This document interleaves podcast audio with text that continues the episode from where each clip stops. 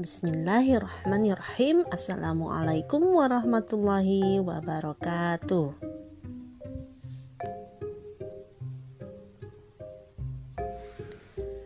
Alhamdulillahilladzi arsala rasulahu bil huda wa dinil haq liyudhhirahu ala dini kullihi wa kafa billahi syahida Ashadu an la ilaha illallah wahdahu la syarikalah wa ashadu anna muhammadan abduhu wa rasuluh la nabiya ba'da.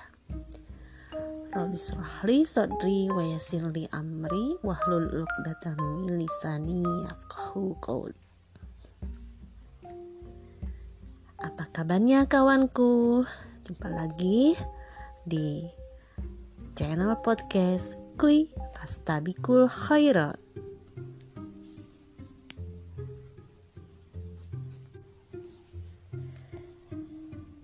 Jumpa lagi dengan Yan Yan. Kali ini akan berbagi tentang kurban. Alhamdulillah kita telah memasuki hari ke-8 di bulan Julhijjah tahun 1442 Hijriah. Besok kita akan memasuki hari ke-9 Julhijjah atau yang disebut hari Arafah dan kita disunahkan untuk saum di hari ke-9 Zulhijjah.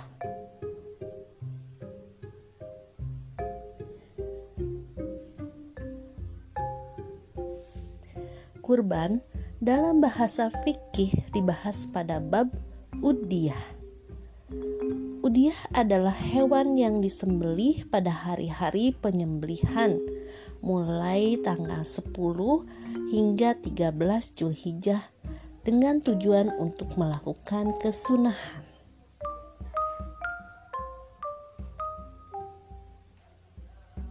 Hukum melakukan udiyah ini adalah sunnah berdasarkan sabda Nabi Shallallahu Alaihi Wasallam. Jika kalian telah menyaksikan hilal Julhijjah, dan salah seorang di antara kalian ingin berkurban, maka hendaknya menahan rambut dan kukunya. Hadis riwayat Muslim.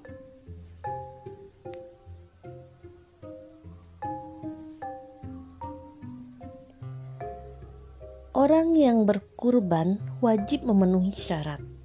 Yang pertama, Muslim. Karena udiah ini ibadah, Ibadah ini disyaratkan harus muslim. Bagi non-muslim tidak bisa menunaikan ibadah karena kekufurannya menghalangi ibadahnya.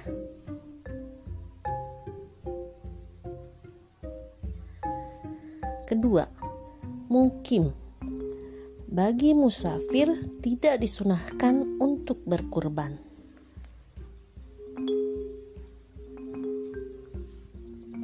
Yang ketiga, kaya. Tidak boleh dilakukan kecuali oleh orang yang kaya. Maksud kaya di sini, orang tersebut mempunyai nafkah untuk Idul Adha, dana untuk membeli kurban, melebihi kebutuhan pokoknya. Artinya, dia mempunyai kelebihan dari kebutuhan pokoknya.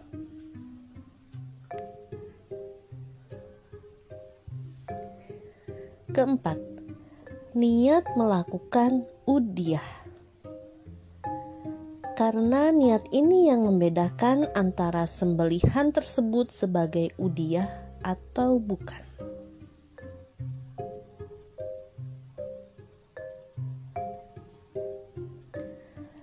Bagaimana dengan udiah yang dilakukan oleh orang yang tidak mempunyai dana sementara dia berutang agar bisa berkurban? Jawabannya tidak boleh. Pertama, karena berkurban ini termasuk dalam kategori sedekah sunnah yang hanya boleh dilakukan oleh orang yang mempunyai kelebihan.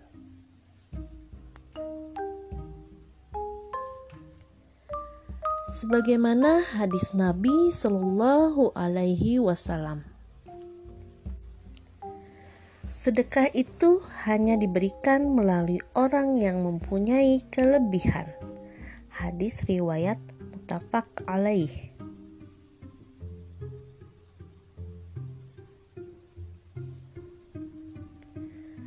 Yang kedua, bagi orang berutang, jika dia mempunyai kelebihan harta, maka hendaknya digunakan untuk membayar utang terlebih dahulu bukan untuk berkurban.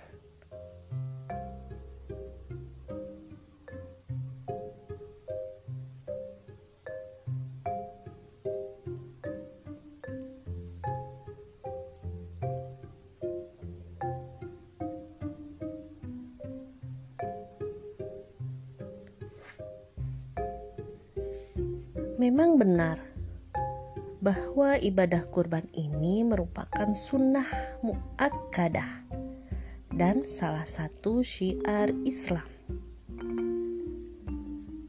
Sebagaimana dinyatakan oleh mazhab Hanafi, Syafi'i maupun yang lain, ada yang mengatakan bahwa berkurban ini lebih baik ketimbang sedekah. Ini merupakan pendapat Imam Ahmad, Rabi'ah, dan Abi Zanad.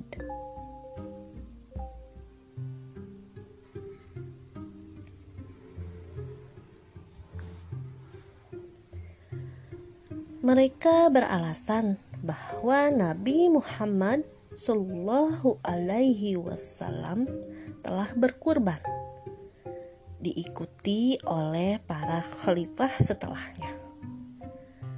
Andai mereka tahu bahwa sedekah itu lebih baik ketimbang berkurban, maka mereka pasti telah menggantikan kurban dengan sedekah.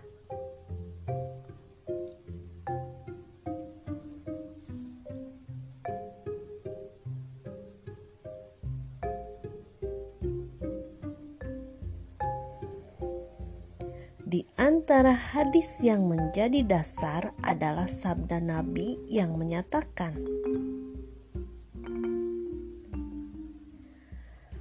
"Tidak ada amal manusia pada hari nahar, amal yang paling dicintai oleh Allah, mengalahkan mengalirkan darah berkurban." Kurban itu akan didatangkan pada hari kiamat kelak dengan tanduknya, kuku, dan rambutnya. Darah itu akan diletakkan pada suatu tempat sebelum diletakkan ke bumi. Hadis riwayat Ibnu Majah.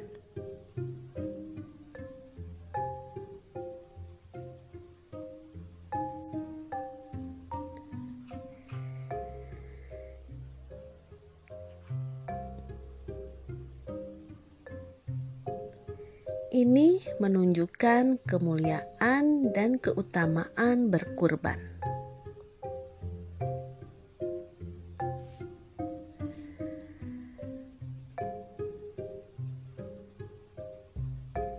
Tetapi, meski demikian, statusnya tetaplah sunnah.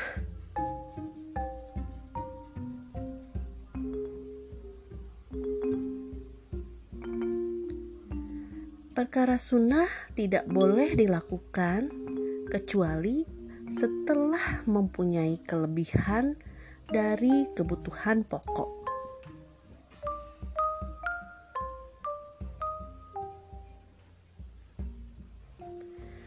Karena itu, tidak boleh berutang untuk melakukan kurban.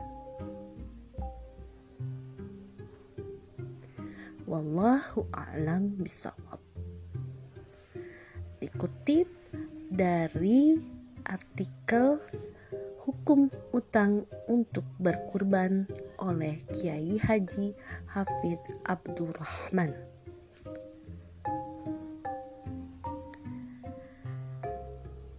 Sekian dari Yan Yan. Kita bertemu kembali di channel podcast mengakui pastabikul khairat berikutnya. Wassalamualaikum warahmatullahi wabarakatuh.